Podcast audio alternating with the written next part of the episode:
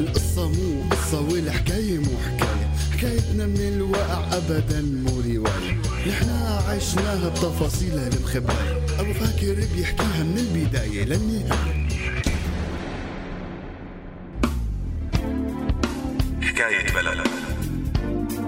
أب وأم وولد حياة جديدة بدها تنولد حكاية سوريا الروح قبل الجسد. الروح قبل الجسد.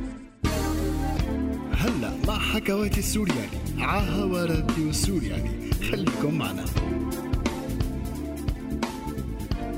يسعد لي أوقاتكم أخواتي السورياليين الغوالي.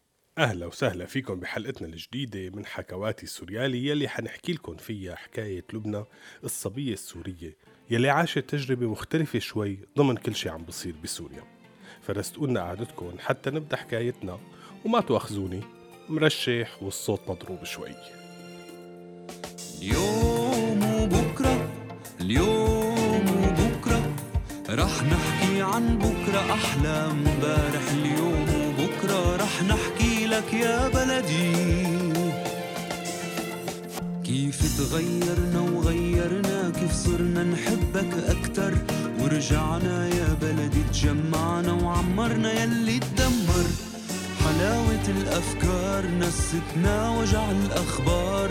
ورجع الأمل بضحكة الصغار. سوريالي سوريالك. سوريا إلنا كلنا سوريالي سوريالك. انت اللي قادر تغير انت ابن البلد. لبنى صبية بعمر المراهقة بالصف العاشر الأدبي بمدرستها. ربيانة بعيلة مثل ما بيقولوا متوسطة الدخل. الأب بيشتغل بمحله من الصبح للمساء وبيوم الجمعة بحب يقعد بالبيت ويريح ويقعد مع عيلته. أما أخوها فبحب الدراسة كتير وما بيرفع راسه من الكتب. أما ملتهي بشغل البيت وأمور العيلة وبأختها للبنى المخطوبة يلي عرسها بقيان له كم شهر. تعرفوا دوبة تلحق عزايم للصهر الجديد نزلات سوق روحة على الخياطات مشان تلحق لها الجهاز بالوقت المطلوب وعلى قولة ما بدنا نقصر بشي قدام بيت الأحمى بدنا نمشي على أصول ومن هالحكي هذا. هلأ لبنى كانت غيورة شوي. أو يمكن كتير لأنه من لما كانت طفلة صغيرة كانت تحب تلفت كل الأنظار إلها سواء ببيتها أو ببيت جدها أو حتى بمدرستها. ويلي كان يساعدها على هالشي شخصيتها المرحة وجرأتها. بس من بعد خطبة أختها انقلبت قلب. حست إنه الاهتمام ما عاد موجه إلها. بكل زيارة بكل جمعة الكل بيحكي عن أختها العروس شو أخبارها شو صار معها. أما هي فيا دوبن بيسألوها كلمتين عن دراستها وبس. لما كانت تشوف النساوين عم يدللوا أختها ويورجوها لأما قطع تياب خرج العروس تحس إنه هن عم يخبوا هذا الشي عنا مشان هي ما تشوفهم. هالتصرفات كانت تجننها وتزعجها كتير. هي بالأصل بعمر حساس ما بيسمح لها بموازنة الأمور بشكل صحيح. وعلى الرغم من إنها كانت تقنع حالها دائما ان هي فرحانة لأختها لأنه فعلا بتحبها عن جد. بس كانت بنفس الوقت تحس إنه ما بتحب خطيب أختها. مو هو اللي أخذ لأختها منها وهو السبب بكل شيء عم بيصير معه. معناته هو واحد مو منيح حيكركب لها حياتها كمان وكمان. يعني إخواتي فيكم تقولوا إنه كل توترات وتقلبات عمر المراهقة طلعت بقصة أختها وخطيبها. الله يكون بعونهم. بهيك حالة كان الموبايل والفيسبوك هو فشة خلق لبنى. تخلص دراستها تقعد هيك لحتى تنام. خاصة إنه ابوها بيتوتي كتير ومسكر شوي. يعني لا هو بياخدهم مشاوير ولا بيخليهم يطلعوا لحالهم لأنه مو كتير حلوة طلعت البنات لحالهم. يعني شو في شي برا يعملوه؟ هي لكنا قاعدين كلياتنا مع بعض ولا أحلى من هيك؟ بلاها هالطلعة بابا. هيك بيكون جوابه بمعظم المرات اللي بتسأله إذا معلش تطلع تشوف رفقتها بلش ضيقان الخلق والتغير بمزاج لبنى يظهر حتى لرفقاتها بالمدرسة خاصة بعد ما كانت شعلة نشاط وحيوية ورواق هلأ صارت شاردة سارحة ضايجة ما الأخلاق تعمل شي. بيوم من الأيام إجت لعند رفيقتها هلا وبلشت تستدرجها بالحكي وتقلها إنه بتحبها كتير وخايفة عليها. وبعدين يعني مين للبنت غير رفيقتها تفضفض لها وتفتح لها قلبها فعلا حكت لبنى كل يلي مضايقها حكت كتير شغلات كانوا زعجينها. شي وعيانة إله وشي مو وعيانته. وبعد ما سمعت هلا كلام لبنى اقترحت عليها اقتراح ليغير لها جو ويسليها. إنه ليش ما بتعملي حساب وهمي على الفيسبوك؟ هيك بصير فيك تفوتي تتسلي بدون ما حدا يعرفك من أهلك أو رفقاتك. بتقدري تحكي مع مين ما بدك وتعملي لحالك الشخصية اللي بدك إياها. فيك تعملي مقالب برفقاتك كمان. أنا عندي حسابين وهميات كتير بتسلى فيهم. اسمعي مني مالك غير هالحل لا تغيري جو. بنص الجو بغير جو بطفي الضو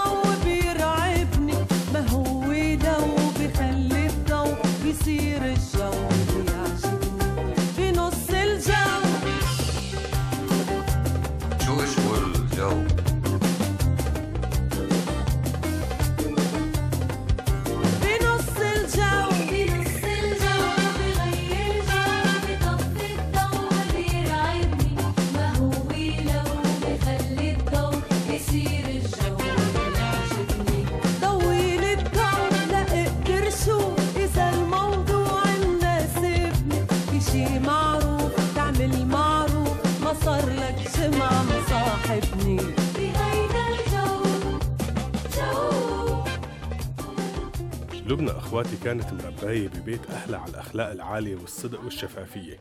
صح إنه بهالفترة متوترة علاقتها معهم لكن كانت طول عمرها بتعرف إنه ما حتلاقي أحن وأقرب إلها منهم وإنه ما حدا بيخاف عليها وبحبها مثلهم.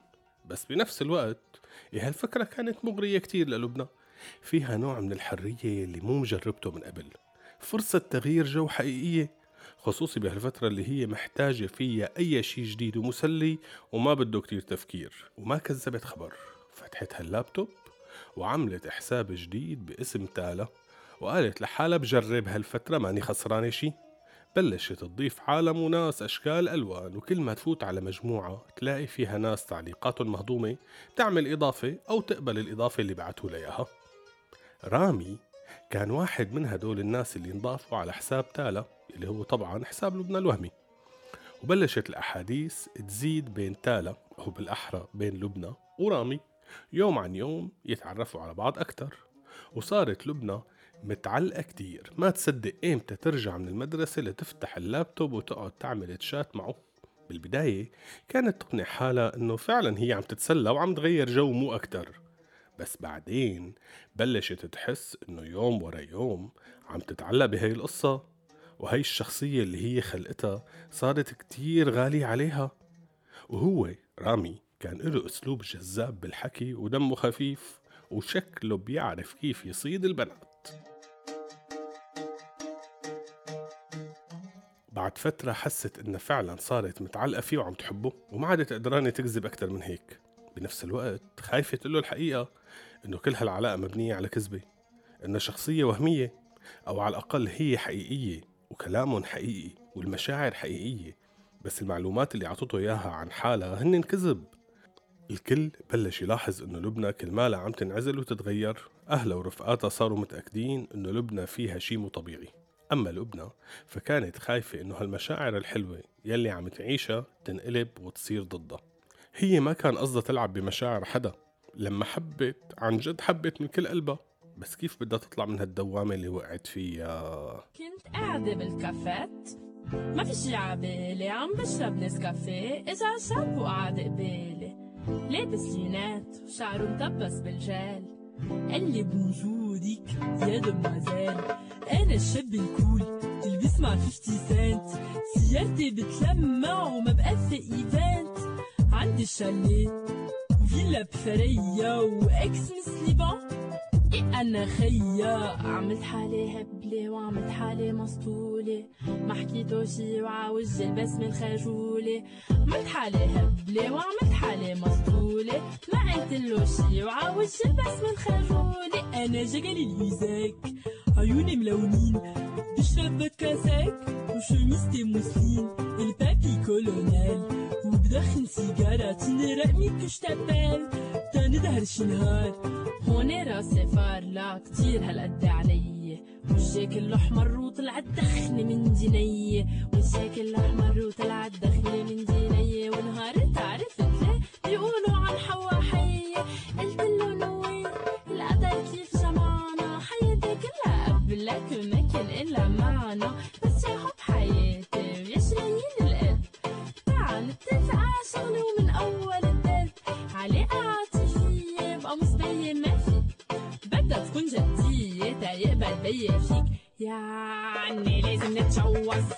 لي سيارة ونجيب ولاد ونسمي البنت سارة وتعمل لي بسين وتخيل لي اللمبة وتسفرني عالصين وتقشر لي مانجا وتفرش لي بيت وتجيب لي شيز وتقص الجازونيت وتلمع لي ازاز واو فكرة الجازة عن جد حبيت شلا أنت بدك نخطب؟ تدلك عالبيت ومثل ما بيقول المثل إخواتي الفوتة على الحمام مو مثل الطلعة منه. والعلقة اللي علقت فيها صاحبنا لبنى طلعت أكبر بكتير مما لم توقعه بيوم قررت تصارحه وتعترف له ويلي بده يصير يصير لأنه برأيها كل شيء أهون من إنه يبقى هذا الحب كذبة. بعتت له مسج إنه بس تكون رايق بدي حاكيك بموضوع ضروري. فورا رد عليها وكتب لها إنه هو جاهز دائما ليسمعها جوابه ريحها وخلاها تفوت بالموضوع. هلأ بلشت تحط شوية مقدمات بعدين سردت كل شي عندها. رامي كان شخص غامض ولبنى ما بتعرف عنه شي غير إنه كان يعطيها مشاعر حلوة ويسمعها. لك حتى كينيتو ما كانت بتعرفها. ما كان بهمها كتير إذا كان هذا اسمه الحقيقي لما اسمه المستعار مثله. المهم إنه كان عم يقدر يعطيها سعادة هي كانت فقدتها.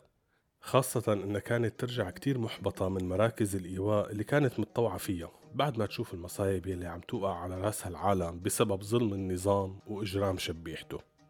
وهي عم تكتب عن حالها وتشرح له ليش هيك هي عملت.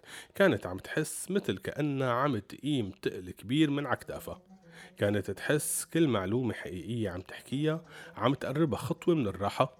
تعبت كتير من الكذب بس من توترها نسيت إنه هذا الشخص هي ما بتعرف عنه شي ما بتعرف غير اسمه الأولاني.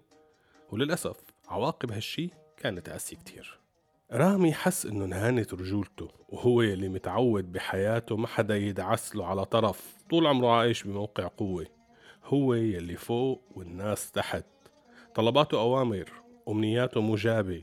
ما في حدا بيقول له لا خاصة بهالظروف. ما هو طلع من أكابر الشبيحة بالبلد. مين ما بده بوقع وإمتى ما بده وما حدا بيقول له ليش. فقرر ينتقم. المعلومات يلي لبنى عطته إياهم كانت كافية ووافية. سأل فورا عن اسم أخوه وعرف بأي جامعة هو موجود ولفق له قصة خلاهم يعتقلوه. طبعا لبنى كانت حتجن وقت عرفت إنه السيد رامي هو وراه الموضوع وإنه مين بيكون خاصة بعد ما بلش يبتزها ويهددها بكل حركة بتتحركها. حست بغبائها وبحجم المصيبة اللي هي وأهلها فيها. خافت كتير. صارت تحاول تذكره بالحكي الحلو يلي كان يقلها إياه الأوقات اللي قضوها سوا السهرات اللي سهروها سوا عتشات بس بعدين عرفت إنه هالشي ما عم يحرك ساكن ولا حيجيب نتيجة. الوش التاني الحقيقي لرامي ظهر. فكرت إنه يا ترى مين كان حقيقي أكتر؟ مين يلي خدع مين؟ هي لما هو. هي كانت كل الوقت معه حقيقية بس اسمه هو المزيف. بينما هو كانت كل مشاعره وحنانه وحكيه كذب بس اسمه الحقيقي. صارت تترجاه مشان يطالع أخوه وبعد توسلات شديدة وافق مقابل مبلغ ضخم بس للأسف ما وقف هون. ضل يبعت كل فترة والتانية تهديدات سواء إلى أو لعائلتها ولأبوها لأخوها لك حتى زوج أختها ما نفد.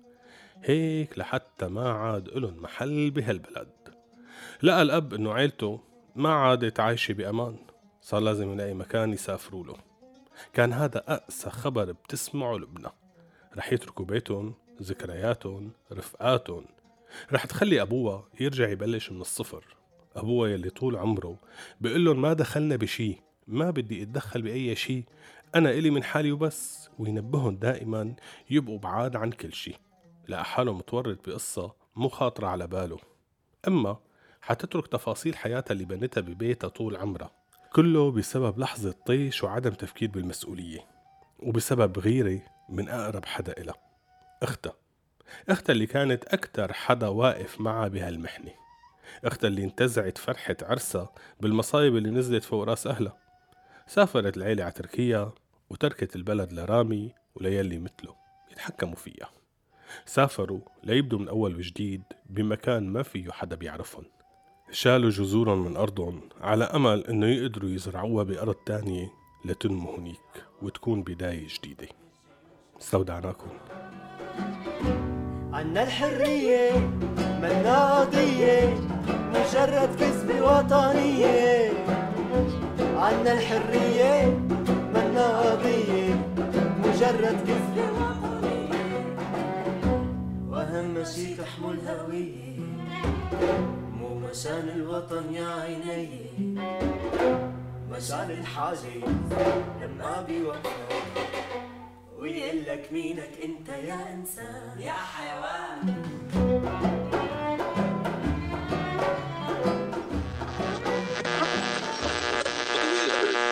هذا البرنامج من إنتاج راديو سوريالي 2017 عم تسمعوا راديو سوريالي. على فكرة هذا مو راديو.